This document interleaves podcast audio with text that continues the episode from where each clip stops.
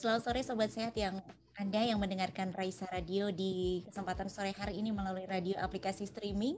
Selamat sore juga untuk Sobat Sehat semuanya nih yang mendengarkan Raisa Radio melalui website kami di radioindonesiasehat.com dan juga selamat sore dan apa kabar untuk sobat sehat yang menyimak Raisa Radio melalui Zoom meeting kami? Senang sekali hari ini saya Galuh dapat berjumpa kembali ya sobat sehat di hari Senin 23 Mei 2022. Sobat sehat, semoga Anda sehat hari ini dan juga tidak lupa untuk tersenyum dan juga bahagia. Karena memang mungkin dari kemarin minggu lalu nih Sobat Sehat kita banyak uh, mungkin kita banyak mendapatkan kabar-kabar bahagia ya. Mulai dari uh, hasil dari Euphoria SEA Games Indonesia yang uh, menduduki peringkat ketiga, lalu juga rektor baru kampus kita yaitu Profesor Ova Emilia. Jadi banyak sekali kabar-kabar baik yang kita jumpai di minggu lalu, di hari-hari kemarin dan tanpa sadar membuat kita terus-terus scrolling ya di media sosial dan apakah kita uh, juga menghitung sudah berapa lama kita menghabiskan waktu di dunia maya dan apakah kita perlu sebetulnya untuk menjaga jarak dengan dunia maya? Hari ini temanya menarik sobat sehat karena kita akan membahas mengenai digital detox yaitu menjaga jarak dengan dunia maya. Nah, ini pas banget nih untuk sobat sehat semua ya. Jadi hari ini kita akan ngobrol-ngobrol selama satu jam ke depan sobat sehat bersama dengan Mbak Restu Vistasari, Magister Psikologi, Psikolog dari layanan Psikologi FKKMK UGM dan Mbak Restu atau Ibu Restu gitu ya, ditemani oleh Mbak Ina Amali Fauziah, peer counselor PSIK 2018 FKKMK UGM. Jadi untuk Anda sobat sehat silahkan kalau mau ikutan nimbrung gitu ya boleh sambil santai kita menikmati sore hari ini. Bisa melalui WhatsApp kami ya yang mendengarkan di radio di 0858 8065 5970 sekali lagi 0858 8065 5970 dan juga kami persilahkan nih untuk sobat sehat yang di Zoom boleh nanti langsung resen atau dituliskan di kolom chat. Selamat menyimak kepada Mbak Ina kami persilahkan. Baik, terima kasih Mbak Galuh saya ambil alih. Selamat sore sobat sehat semuanya. Perkenalkan, saya Ina Mali Fauzia, salah satu peer counselor dari layanan psikologi FKKMK yang merupakan mahasiswa ilmu keperawatan angkatan 2018. Jadi sore hari ini kita akan bincang-bincang gitu ya mengenai suatu topik yang pastinya familiar banget sama kehidupan kita, yang nggak jauh-jauh dari kehidupan kita, yaitu mengenai digital gitu ya kehidupan kita itu nggak bisa ya jauh-jauh dari hmm. digital sekarang. Bahkan banyak banget orang yang bergantung sama digital gitu. Kalau nggak ada digital ya nggak bisa ngapa-ngapain gitu. Nah sejatinya kita tahu gitu suatu hal pasti ada baik sama buruknya gitu ya. Nah uh, nanti kita akan belajar lebih jauh gitu sebenarnya apa sih yang perlu diperhatikan ketika kita menggunakan digital perlu nggak sih kita membatasi penggunaan kita terhadap digital ini?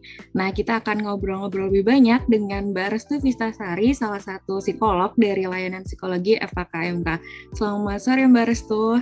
Selamat sore Ina. Halo. Uh, menyapa juga untuk uh, sobat sehat Raisa ya. Semoga sore hari ini semuanya pada sehat insya Allah ya. Ya, Mbak Restu, sebenarnya hmm. tadi kan tadi udah disebutin gitu ya sama Mbak Galuh ya. topik hmm. kita hari ini mengenai digital detox. Hmm. Digital detox sendiri itu apa sih gitu? Oke, okay. ya jadi mungkin kita uh, sobat sehat di sini udah mungkin udah pernah dengar lah ya gitu meskipun mungkin kok kayaknya digital detox itu apa gitu tapi kayaknya mungkin udah beberapa yang udah dengar tentang istilah yang cukup sering juga ya gitu sekarang gitu kita dengerin gitu. Nah, kalau terkait dengan digital detox itu apa? Kalau dari uh, Oxford Dictionary sendiri di tahun 2019 itu lebih ke arah ketika seseorang memutuskan untuk menjaga jarak dulu nih dari perangkat digital dan ada periode waktu tertentunya. Dan tujuannya itu untuk apa? Tujuannya tadi untuk meningkatkan kesejahteraan psikologisnya. Misalnya untuk nurunin stres atau untuk justru untuk meningkatkan interaksi sosial dia dengan di kehidupan yang nyata gitu ya, di real life-nya. Bukan jadi bukan hanya di kehidupan digital tapi di real life-nya Nah, kalau untuk istilahnya sendiri tuh sebenarnya ada beberapa istilah juga yang kadang-kadang digunain gitu ya. Nah, kayak ada abstinence, ada break, ada unplugging gitu ya, ada disconnection gitu. Tapi sebenarnya tuh sama aja gitu ya, ya mengacu pada satu definisi yang sama tadi. Nah kalau intinya sih kalau ini ya, dari salah satu jurnal penelitian gitu ya dari si Firsten tahun 2019 juga jadi itu digital detox itu prosesnya kayak kita lagi puasa gitu loh Ina. Nah, jadi kayak lagi fasting mungkin uh, kalau puasa itu kan Ina mungkin nanti kalau bisa koreksi ya sebagai mahasiswa kesehatan gitu kan kayak mengistirahatkan sistem pencernaan kita gitu nggak Ina betul? Betul ya, betul. Uh, uh, uh, jadi kayak untuk cleansing, untuk mengistirahatkan yang tadinya mungkin ngunyah mulu gitu ya, ada jeda istirahatnya untuk itu. Nah, sebenarnya sama aja konsepnya gitu, digital detox tuh kayak gitu. gitu. Ada jeda waktunya dari kita penggunaan uh, perangkat digital. Gitu. Meskipun memang kalau dari segi definisi itu uh, di beberapa penelitian pun itu kayak belum terlalu jelas nih batasannya. Apakah hanya istirahat uh, terhadap satu perangkat digital aja. Atau seharus semuanya nih mau smartphone iya mau laptop iya semuanya. Atau justru beberapa istirahat dari beberapa aplikasi aja itu udah termasuk digital detox. Jadi memang belum ada batasan yang jelas cuman kalau dari be dari beberapa penelitian gitu tuh uh, sebenarnya misalnya kita istirahat aja nih dari penggunaan Facebook atau Instagram itu sudah termasuk ke dalam ranah digital detox gitu kan gitu jadi yang penting di dalam unsur pentingnya tuh ada periode waktunya tuh terus ada tujuannya gitu. tujuannya tuh tadi untuk untuk apa gitu lebih ke arah sana sih ini Oke, jadi definisinya hmm. ini beda-beda gitu ya Mbak? Ya, beda-beda betul. tujuannya hmm. juga beda-beda Nah, uh, digital detox itu kan kita angkat jadi topik nih pada sore hari. Mungkin dong tanpa tujuan gitu. Iya, iya. Mbak psikolog ini untuk ngangkat ini jadi topik. Sebenarnya tujuannya dari digital detox ini apa sih Mbak? Kenapa penting gitu dilakukan? Oke, jadi kayak kenapa digital detox itu penting? Ya mungkin kan sekarang ya Ina uh, kamu ngerasain nggak kayak perkembangan teknologi itu sudah sangat pesat gitu. Banyak hal yang bisa kita akses dengan cepat dengan instan gitu. Kita bisa yang tadinya nih misalnya kita perlu janjian sama teman harus ke rumahnya. Harus datang dulu ke rumahnya dengan resiko nih orang ada atau enggak gitu ya di rumahnya gitu. Kalau sekarang bisa cepat lewat chat aja lewat WA gitu ya. Terus juga kalau kita mau tahu info-info tadi yang terbaru yang kayak uh, Mbak Galuh sampaikan, kita bisa sam sepersekian detik kita dengan cepat gitu ya informasi itu kita dapetin. Atau misalnya di media sosial, di berita yang kita apa ya, di berita yang kita akses gitu. Misalnya juga atau misalnya ada yang suka nih sama artis tertentu. Kalau dulu mungkin harus beli majalahnya gitu ya. Ini buat tahu fun fact-nya apa aja gitu. Kalau sekarang mah tinggal follow nih akun media sosialnya apa gitu. Salah satunya ini ya kalau yang lagi booming kemarin NCT oh tahu nih aku ternyata NCT tuh suka makan tumis kangkung waktu di Indonesia gitu. Karena tahu dia update pada saat itu gitu kan ya. Jadi kemudahan uh, perkembangan teknologi itu jadi kita bisa dengan instan dan cepat banget dan banyak banget kan tentunya benefit yang bisa kita dapetin dari dari hal itu gitu. Nah tapi uh, tentunya ada banyak juga nih dampak negatif yang kita bisa rasakan ketika kita nggak tahu nih batasannya yang jelas gitu. Nah, jadi boundariesnya gitu. Jadi adanya ketidakseimbangan antara kehidupan kita di dunia digital sama kehidupan kita di real life. Dan itu tuh bisa berpengaruh sama perkembangan sama kesehatan mental kita sama kondisi psikologis kita gitu ya. Apalagi kalau di masa-masa pandemi ini kan penggunaan perangkat digital kan meningkat ya. Nah mungkin kamu juga sebagai mahasiswa ngerasain yang biasanya tadinya kalau kuliah harus datang ke kampus gitu, ini tinggal duduk aja buka laptop, lang bisa kuliah online gitu. Terus ujian juga lewat situ gitu-gitu kan jadi karena pandemi kita nggak bisa ketemu orang jadi pada akhirnya kelekatan kita terhadap perangkat digital itu tuh semakin erat lah gitu Nah tadi, kalaupun misalnya kita nggak bisa menyeimbangkan antara dua dua dunia ini gitu, tadi itu resikonya bisa ke permasalahan psikologis juga. Gitu. Nah, entah itu kecemasan, entah itu perasaan terisolasi dan sebagainya. Dan kadang-kadang uh, gini, perilaku itu kalau dari kajian psikologi ya, perilaku itu kan dibentuk dari faktor kepribadian dari diri sendiri ini entah itu yang keturunan dan segala macamnya itu dan di sisi lain juga ada faktor lingkungan. Gitu. Nah faktor lingkungan ini kan macam-macam. Nah ada faktor keluarga teman-teman gitu. Nah sekarang ketambahan nih faktor dari media massa misalnya media sosial yang kita akses itu jadi referensi dari pembentukan perilaku seseorang nah salah satunya uh, dari sekian banyak dampak negatif yang bisa dirasain adalah kadang-kadang kita menjadikan apa yang ada di media sosial itu tolak ukur pencapaian kita gitu. Kok aku nggak kayak mau di Ayunda ya gitu misalnya. Oh dia udah sampai ke tahap sini nih, kok aku nggak bisa kayak dia nih gitu. Atau misalnya oh kayak teman aku nih waktu teman aku yang mungkin satu SMP dulu nih kita lihat akun Facebooknya, akun Instagramnya gitu jadi kita menjadikan tolak ukur itu sebagai referensi yang kita punya untuk nilai diri kita. Itu jadi jadi pada akhirnya itu nanti ngaruhnya ke self esteem. Bagaimana dia mem memandang keberhargaan dirinya atau bagaimana dia memandang kemampuan dirinya gitu ya, efikasi dirinya.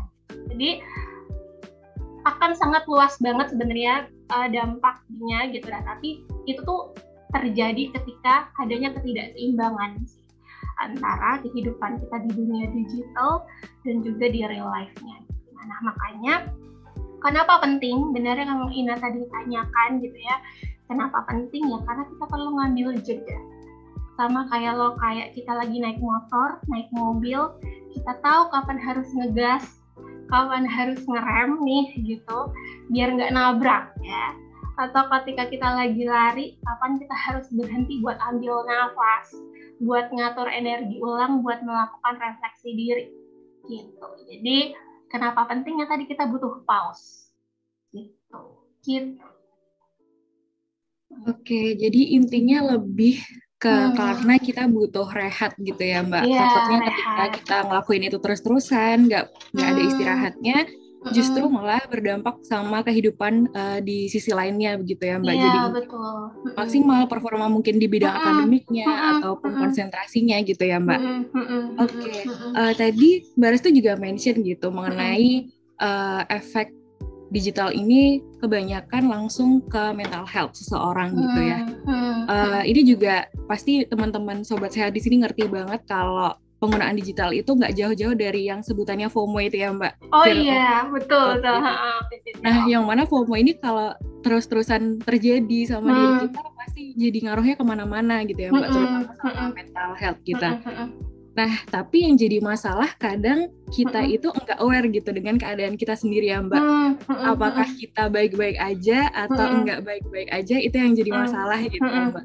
Nah, sebenarnya uh, kapan sih kita harus melakukan digital detox itu sendiri Mbak? Gimana caranya nge-assess diri sendiri gitu kalau yeah. oh, aku tuh butuh istirahat, aku tuh butuh take a break dulu dari digital.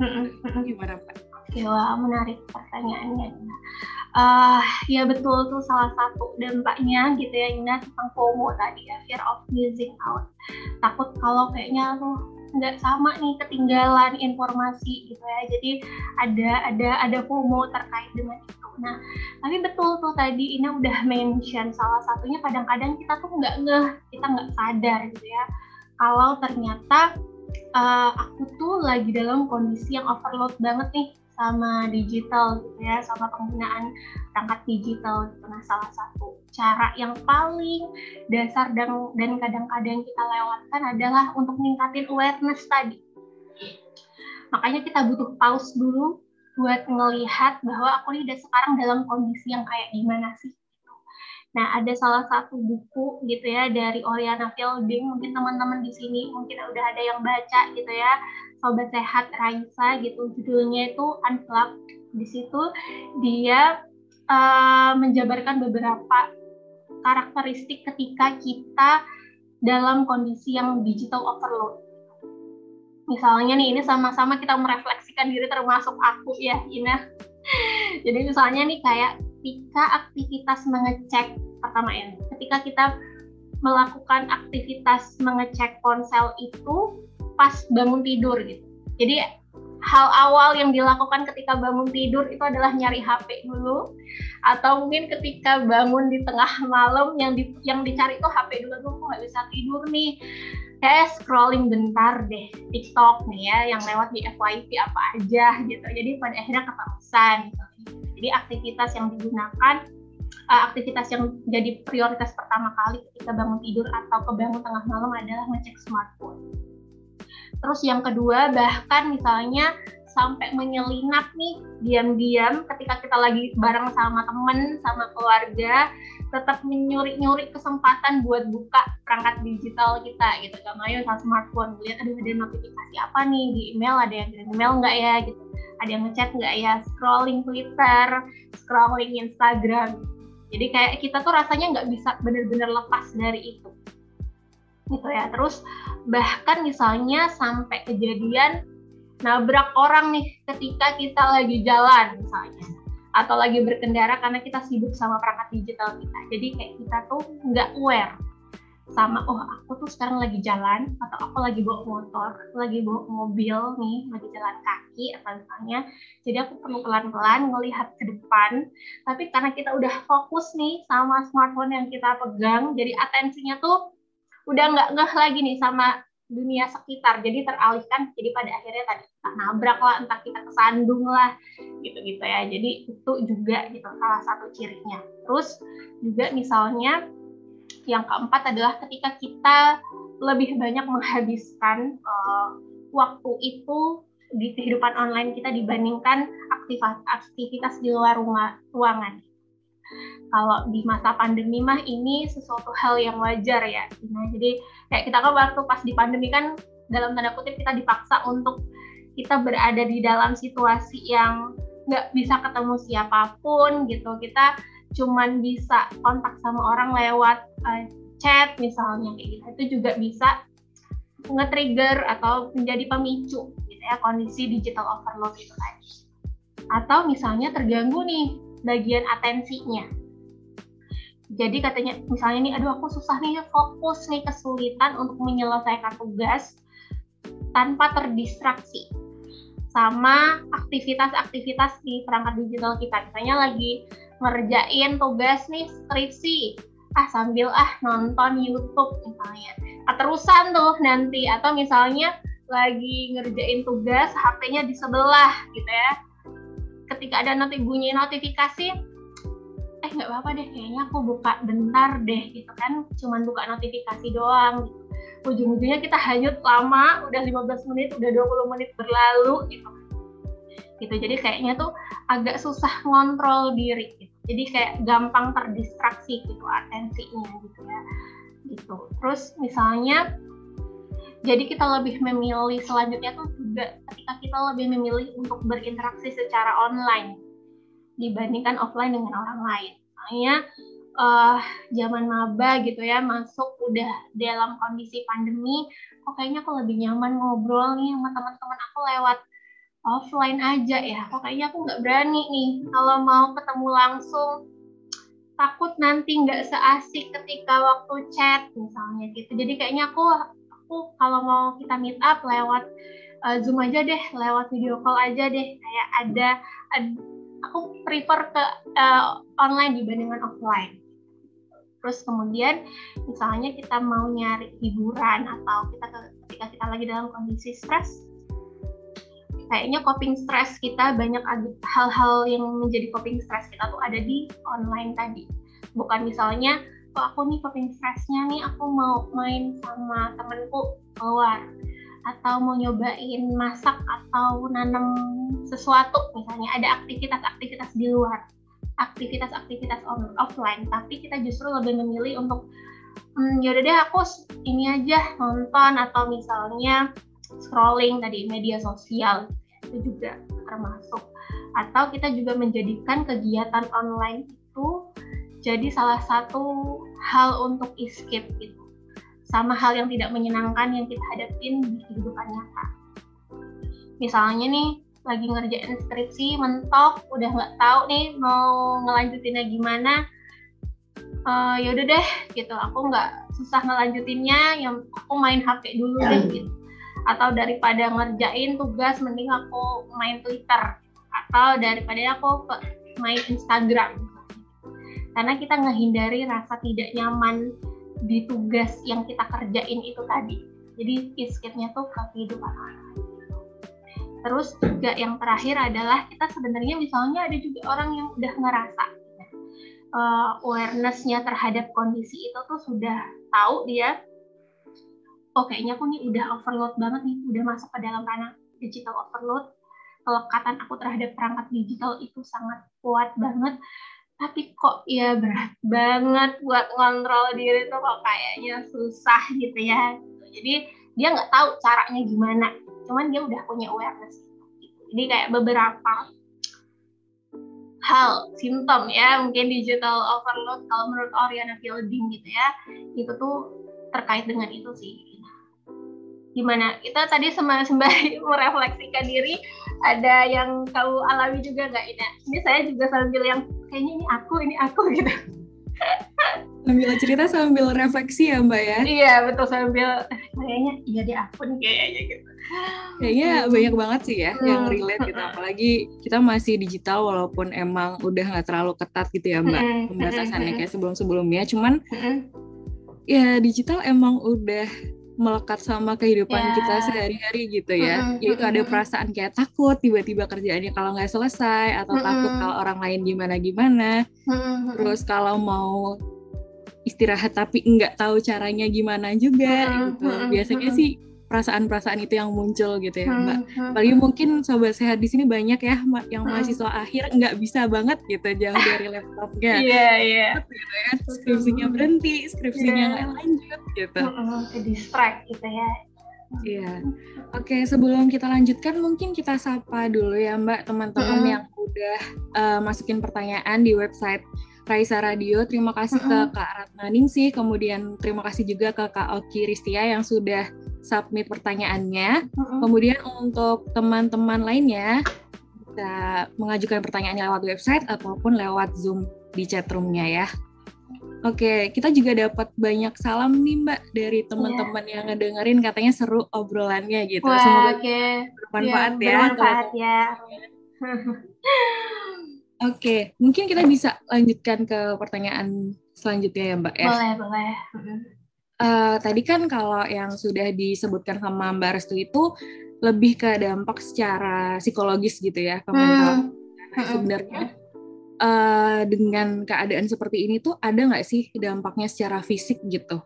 Hmm. Mungkin kan ada orang gitu yang berpikir ah cuma ke psikologis aja kok nggak akan yeah. kenapa-napa gitu. Hmm. Kalau belum kalau aku masih bisa jalan, aku bisa masih bisa makan tuh kayaknya nggak apa-apa deh gitu. Sebenarnya efek ke fisik fisiknya gitu. Oke okay, oke okay, oke. Okay. Berarti jadi lebih ke fisiknya kita ya Ina ya.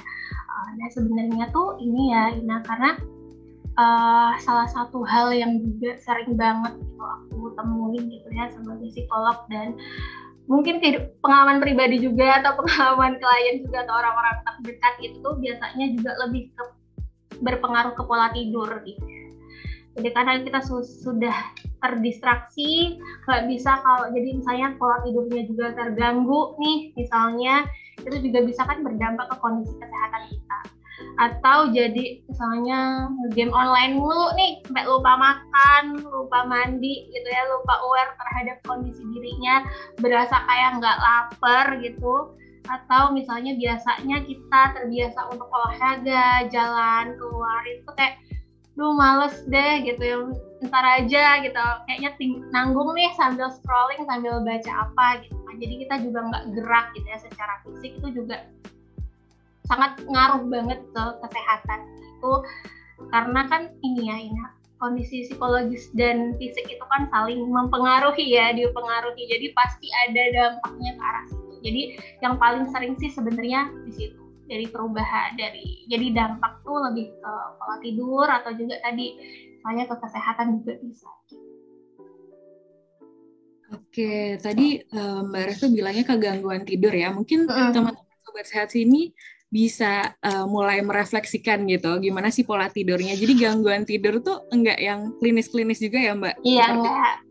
Ketika kita kebanyakan tidur atau kurang betul. tidur pun itu ha. udah masuk gangguan gitu ya. Iya, atau kebangun tengah malam gitu nggak bisa tidur lagi atau bangunnya jauh lebih pagi daripada biasanya. Nah itu udah gitu ya di gangguan tidur Mbak. Yeah harapannya sih teman-teman bisa mulai cari cara gitu gimana sih biar uh, jam tidurnya bagus lagi bagus gitu lagi. karena tidur jadi kenapa-napa gitu ya Betul. mbak oke okay. Terus dari tadi kan kita ngomongin digital detox ya Mbak. Sebenarnya hmm. caranya tuh gimana sih? Apa okay. enggak doang atau uninstall hmm. doang atau gimana hmm. nih? Hmm. Oke, okay, kalau proses uh, untuk ngelakuin digital detox tuh sebenarnya ada beberapa gitu ya Ina ya. Kalau dari uh, bukunya Seharian di tahun 2018 itu dia juga sempat ngerinci ini beberapa hal mungkin yang bisa kita lakukan untuk proses kita ngelakuin di digital detox itu. Yang pertama itu adalah terkait dengan komitmen. Komitmen itu kalau untuk kajian perilaku gitu ya di psikologi itu tuh ketika kita punya komitmen dia akan ngelit sama perubahan perilaku dalam jangka panjang. Kalau kita punya komitmen. Dan nggak hanya terkait dengan perubahan perilaku tapi juga biasanya lebih ke konsistensi. Jadi nggak cuman rajin di awal-awal doang nih tapi juga bisa lebih konsisten melakukan itu secara rutin jadi yang pertama adalah tentang komitmennya Nah, gimana caranya biar kita punya komitmen yang kuat untuk ngelakuin misalnya digital detox itu? Hal yang perlu kita lakukan adalah kita perlu tahu dulu alasan kenapa aku harus ngelakuin ini. Kita bisa tahu itu dengan kita refleksi sama diri sendiri. Kira-kira nih sedalam sebulan ini misalnya atau seminggu terakhir ini tuh gimana ya proses aku, kelekatan aku sama perangkat digital dengan smartphone atau dengan aplikasi-aplikasi di dalamnya. Kira-kira app-app mana nih, aplikasi-aplikasi mana yang sekiranya itu draining banget nih buat kita gitu. Secara psikologis tuh ngasih dampak yang lebih lebih negatif nih. Misalnya nih, aku oke okay dengan Twitter, tapi aku tidak cukup oke okay dengan Instagram misalnya. Atau dengan seluruhnya, atau aku tidak cukup oke okay dengan Facebook misalnya kayak gitu. Karena tadi aku bisa melihat pencapaian orang lain aku jadi ngebandingin diri aku aku jadi kehilangan diri aku misalnya. Jadi kita perlu menegakkan dan kita punya komitmen itu dulu yang pertama. Dan kita jadi tahu bahwa ketika aku ngelakuin ini yang aku harapin dan aku dapat untuk aku dapetin itu apa terus itu yang pertama ya terkait dengan komitmen terus yang kedua adalah kita perlu bikin planning planning untuk melakukan digital detox itu. Kita perlu tanyakan sama diri kita kapan dan berapa lama. Dan ini harus realistis, bukan yang kayak aku mau sebulan menghilang, nggak mau pakai smartphone apa-apa gitu. Bisa bikin khawatir orang tua dong sama teman kerja ini kenapa misalnya Ina nggak menghilang tiba-tiba gitu kan. Jadi makanya kita perlu bikin planning yang kira-kira itu realistis. Misalnya nih, oh aku tuh Senin sampai Jumat nih nggak bisa nih karena emang kerja komunikasi sama orang. Jadi kayaknya dalam satu minggu, dalam satu minggu itu yang paling memungkinkan itu weekend. Oke, kayaknya cuman satu aja nih. Aku mau nyoba hari Sabtu dulu. Nah ya udah kita centang tuh misalnya di kalender. Kalau hari Sabtu, Sabtu tanpa Instagram dan Twitter misalnya. Sabtu tanpa pegang smartphone jadi kita yang menentukan dulu, kita bikin planning dulu terkait itu. Terus yang ketiga ya berarti, yang ketiga adalah kita perlu komunikasikan itu sama orang tua, sama keluarga, atau sama orang-orang terdekat kita. Tujuannya buat apa? Untuk ngeset ekspektasi yang pertama. Misalnya nih, Ina nih biasanya nih di kontak nih cepet nih fast respon. Tiba-tiba kok hari Sabtu ini dia nih nggak dikontak di telepon nggak bisa di WA nggak bisa. Kenapa? Bikin panik gitu kan misalnya. Yang pertama jadi untuk ngeset ekspektasi jadi oh oh ini nih lagi digital detox that's okay gitu. Emang dia slow respon terus yang kedua kita kenapa kita perlu ngabarin orang terdekat? Karena itu ngelatih kita sebagai pribadi yang bertanggung jawab. Jadi nggak cuma ngilang-ngilang doang tapi misalnya kita udah ngasih tahu nih dari awal dari hari Selasa eh aku hari Sabtu kayaknya bakal slow respon nggak bakal pegang HP nih. Kira-kira ada kerjaan nggak yang mungkin bisa aku kerjain dulu biar hari Sabtu tuh aku nggak diganggu misalnya kayak gitu. Atau ada tanggungan-tanggungan apa yang bisa aku kerjain duluan nih gitu yang hubungannya sama orang lain. Jadi kita ngabarin teman kerja teman satu organisasi teman terdekat. Atau kita juga bisa kasih tahu nih kira-kira kalau ada urgent apa-apa kamu bisa kontaknya ke mana? Misalnya kayak gitu terus yang keempat adalah kalau kita ngerasa bahwa kita itu dampaknya tuh lebih ke beberapa aplikasi mungkin nggak cuma logout tapi mungkin uninstall boleh. Atau deaktif juga bisa gitu. Karena kadang-kadang kalau cuma logout aja itu tuh kayak ada sis ada fase di mana withdrawal kayak oh, kayaknya pengen. Ya jadi nggak apa-apa sekilas aja login dulu gitu. Kayak aku cuma pengen lihat yang komen siapa yang like siapa gitu ya. Jadi ada ada urge itu untuk ngelakuin itu lebih besar dibandingkan kita misalnya nge-uninstall dulu deh gitu. Nanti hari Senin aku install lagi. Misalnya kayak gitu. Jadi kalau itu di, dirasa diperlukan kita bisa ngelakuin itu. Terus yang ke lima ya ya. Yang kelima adalah kita bisa bikin list aktivitas yang bisa yang perlu kita lakukan nih di fase-fase digital detox itu. Misalnya nih hari kita mau nyoba satu 24 jam dulu aja satu harian. Yang bisa aku lakukan selama 24 jam itu apa ya? Kalau diem aja pasti akan bosan jadi yang ya nggak enak ya nggak ada nggak bisa buka IG nggak bisa buka Twitter. Jadi kita bisa list dulu nih kira-kira apa yang bisa aku lakuin. Oh kayaknya aku udah lama nggak masak misalnya aku mau nyoba masak uh, resep baru deh itu satu. Terus yang kedua misalnya udah lama nih nggak nyiram tanaman di di depan kamar kosan misalnya. Ya udah berarti itu masuk list. Terus yang ketiga aku mau main deh ke pantai sama bestie aku udah diagendain pokoknya ya udah gitu. Jadi hari itu ada aktivitas-aktivitas online yang bisa kita lakukan. Jadi bukan cuma sekedar diem aja gitu enggak, tapi tadi kita reconnect dengan dengan aktivitas-aktivitas offline. Terus juga kita bisa bikin list kira-kira hambatan apa aja yang mungkin bakal kita temui nanti dan cara cara akan mengatasinya tuh gimana. Nah, jadi kita biar bisa antisipasi dari awal gitu. Terus yang terakhir adalah kita perlu memastikan bahwa kita punya resource yang cukup ketika kita ngelakuin aktivitas-aktivitas uh, offline tadi. Misalnya, aku mau nyoba resep baru nih, pas udah nyiapin bahan-bahannya, kok lupa ya caranya gimana, biasanya lihat YouTube-nya Chef Devina gitu. Atau aku buka YouTube lagi ya, kan lupa, kan nggak apa-apa gitu. Jadi akhirnya, yaudah deh, lihat dulu ya, jadi gagal gitu kan proses di digital detoxnya. Jadi pada akhirnya makanya kita sebelum ngelakuin digital detox itu kita perlu tahu aktivitasnya dan kita perlu tahu dulu nih, aku udah nyiapin belum nih resource untuk aku ngelakuin hal ini.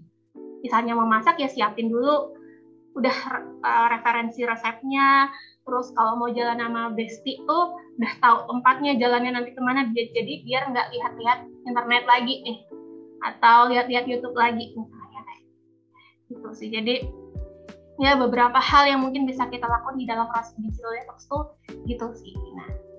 Oke, langsung kita lanjutkan aja ya Mbak hmm. Resti ya karena yeah. bahasan kita tuh lumayan asik. Terus teman-teman yang join juga banyak yang tanya sedangkan hmm. waktunya cuma singkat yeah. jadi sebenarnya manfaatnya apa sih gitu hmm. dari kita untuk bisa melakukan digital detox ini Oke, okay, ya sebenarnya manfaatnya banyak gitu ya. Nah, beberapa di antaranya itu pertama adalah tentunya produktivitas kita tuh jadi meningkat.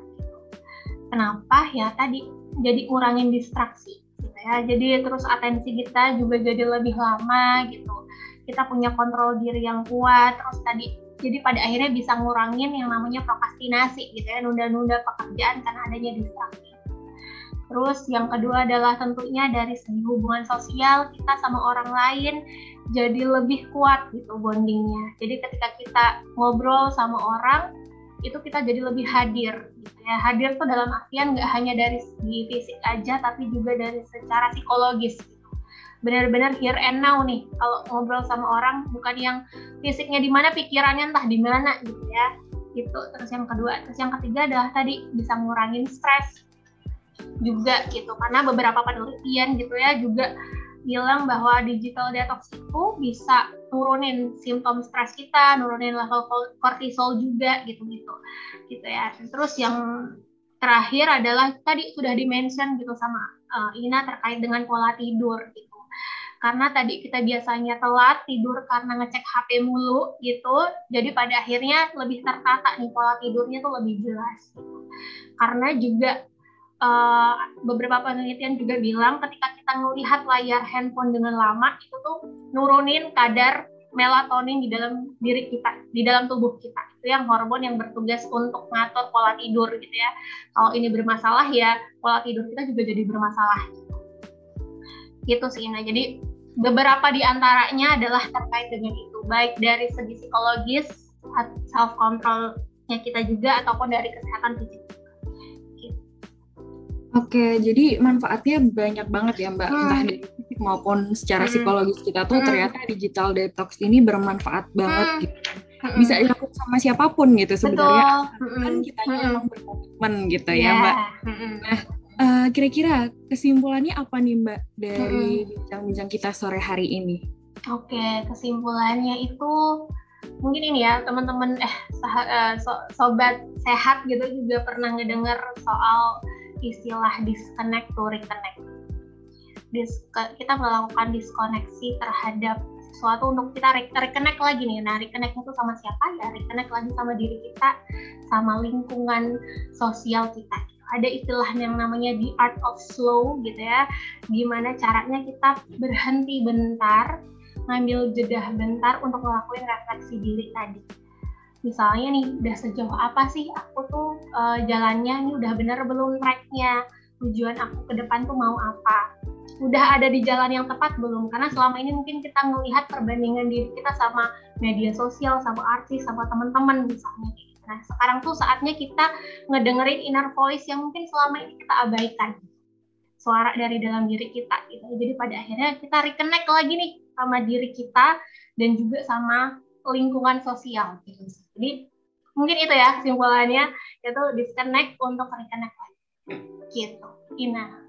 Oke, terima kasih Mbak Restu untuk kesimpulannya. Jadi untuk sobat sehat di sini semua nggak apa-apa untuk take a break dari hmm. dunia digital gitu ya, untuk ya. diri kita sendiri juga gitu, untuk ya, uh, our health juga gitu. Nah, hmm. mungkin langsung ngejawab pertanyaan yang sudah masuk aja ya Mbak. Hmm. Uh, mungkin dari pertanyaan pertama dari Kak Ratna Ningsi, selamat sore Radio Raisa. Wah, pas sekali topiknya karena hmm. sekarang penggunaan teknologi semakin masif dan sulit lepas dari hmm. digital.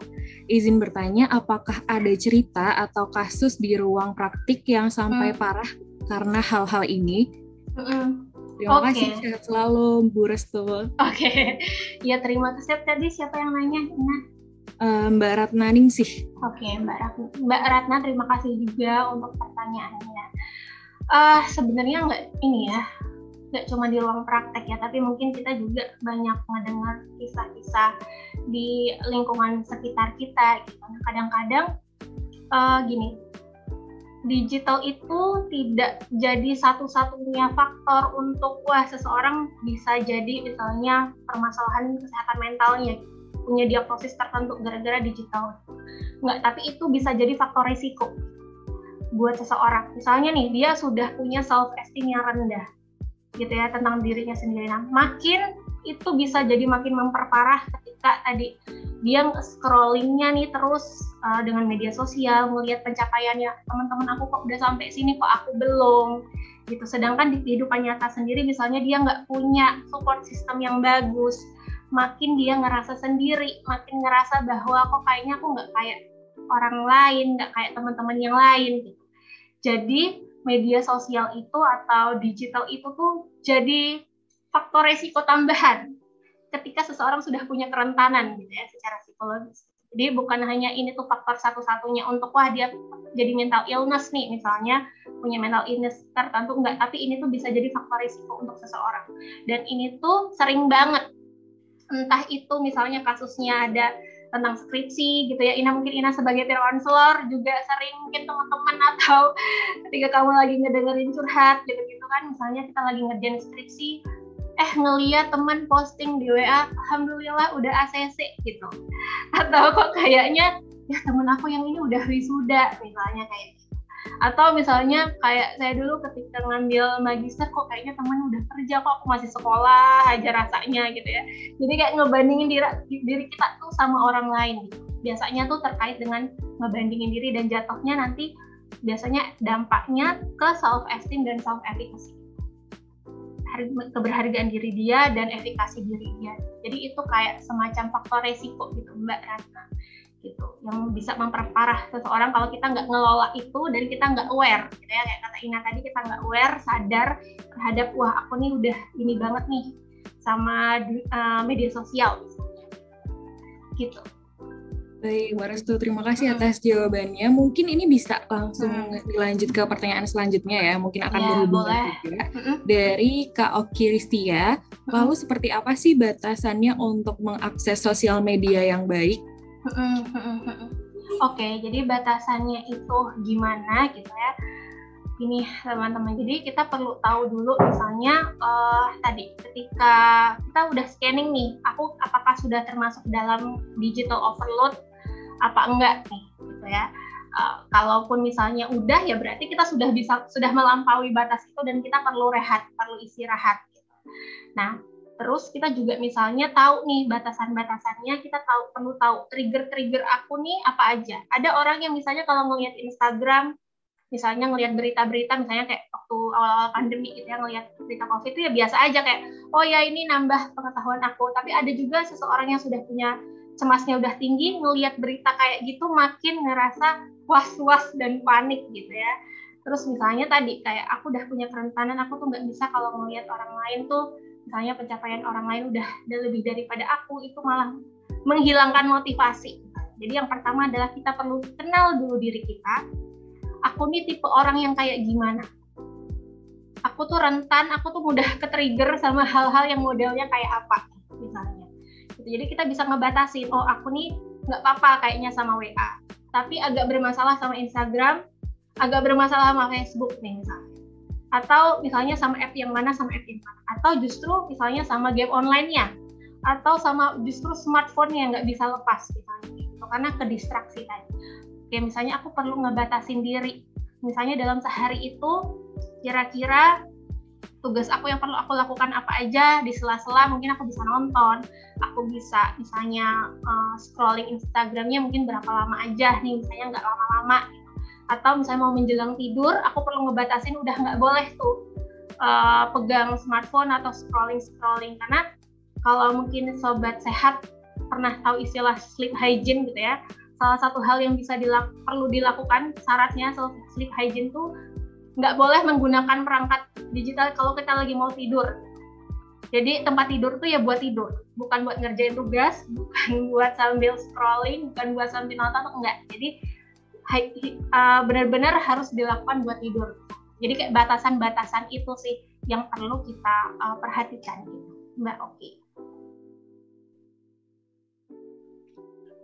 Oke, jadi mungkin kita juga bisa ini ya Mbak. Sekarang kan di gadget kita masing-masing hmm. ada fitur untuk oh, iya. penggunaan sosial media kita gitu ya. Itu yeah, bisa yeah. banget untuk ah, dimanfaatkan gitu ya.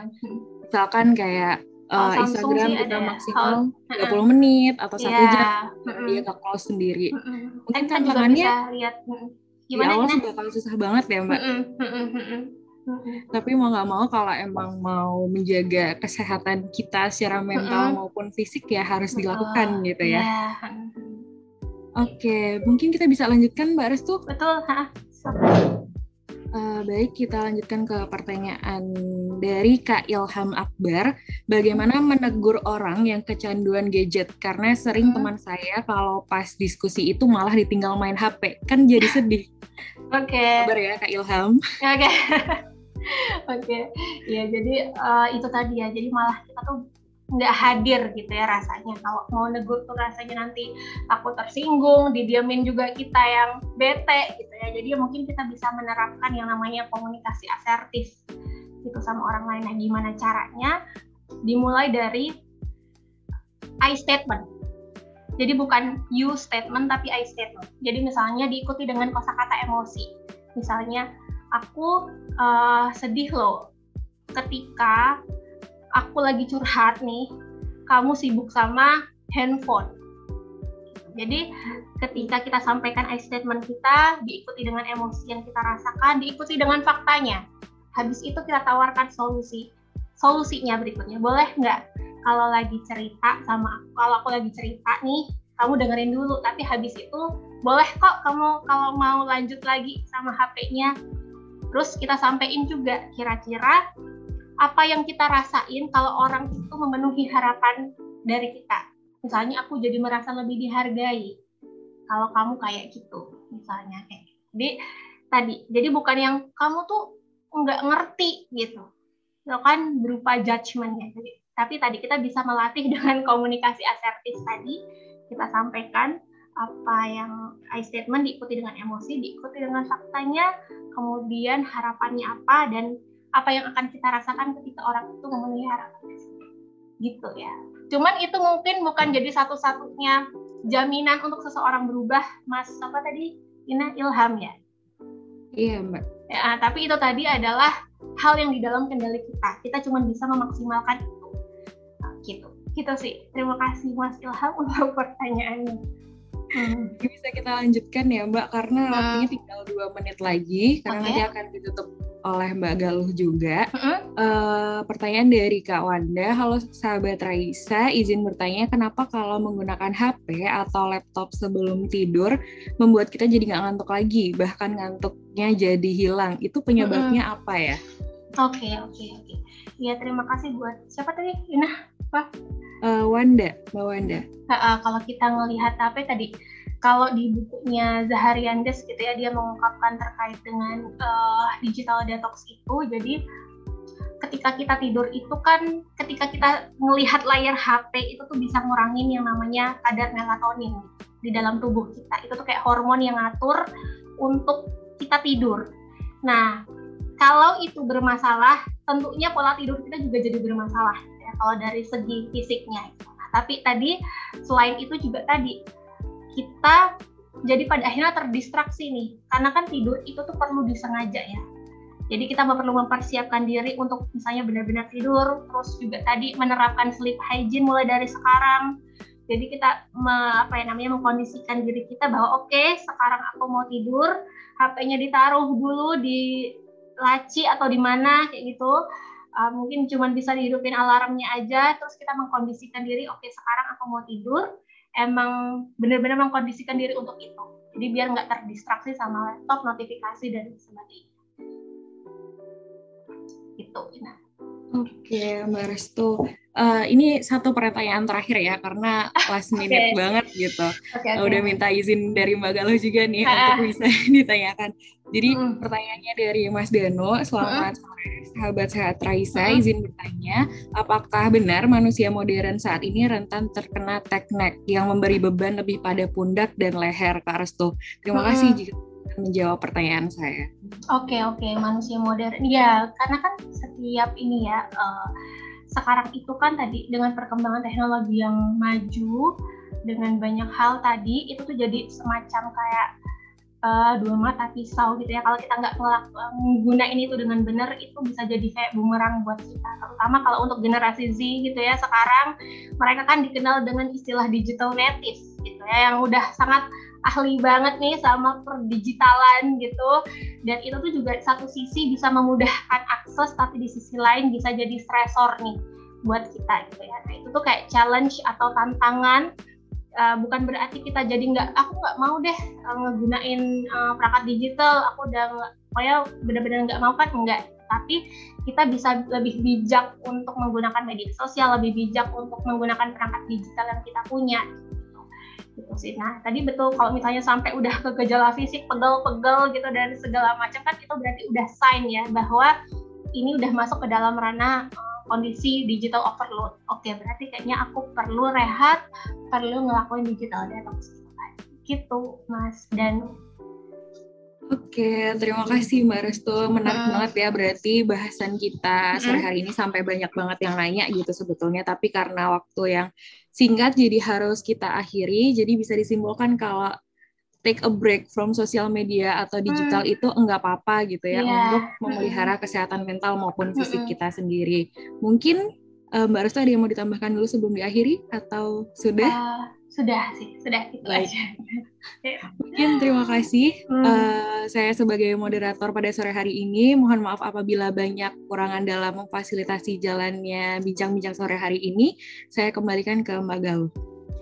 Oke, baik luar biasa sekali. Terima kasih banyak Mbak Restu dan juga Mbak Ina telah memberikan uh, ilmu kepada kita semua terkait dengan digital detox. Tadi sudah uh, mungkin pada saat ini ya sobat pada saat uh, obrolan berlangsung tadi kita banyak berefleksi ya. Kira-kira kita nih kondisinya seperti apa nih dan apa nih yang akan kita lakukan nih setelah ini. Jadi semoga obrolan kita sore hari ini dapat memberikan wawasan untuk Anda sobat sehat dan bermanfaat ya untuk menjaga diri kita itu tadi ya. Terima kasih banyak sekali lagi Mbak Restu, Mbak Ina. Semoga bisa jumpa lagi di lain kesempatan. Sama-sama Mbak. Sehat selalu. Sobat sehat, mohon maaf nih apabila sobat sehat yang sudah mengajukan pertanyaan sudah menunggu dijawab namun karena keterbatasan waktu uh, belum sempat terjawab gitu ya. Mohon maaf sekali dan Anda tetap bisa uh, mendengarkan ya, mendengarkan obrolan kita di sore hari ini melalui Spotify kami di Raisa Radio Indonesia Sehat. Dan jangan lupa sobat sehat besok pagi jam 8 pagi karena Raisa Radio akan hadir kembali dengan tema Rambut rontok berbahayakah? Bagaimana mengatasinya? Jangan lupa besok jam 8 pagi. Dan jangan lupa juga untuk follow Instagram kami di @raisa_radio_ugm untuk mendapatkan informasi menarik seputar program-program dari Raisa Radio. Terima kasih banyak atas kebersamaan Anda. Saya Galuh beserta tim mohon pamit undur diri. Satu lagu menutup perjumpaan kita di sore hari ini. Selamat beristirahat. Wassalamualaikum warahmatullahi wabarakatuh.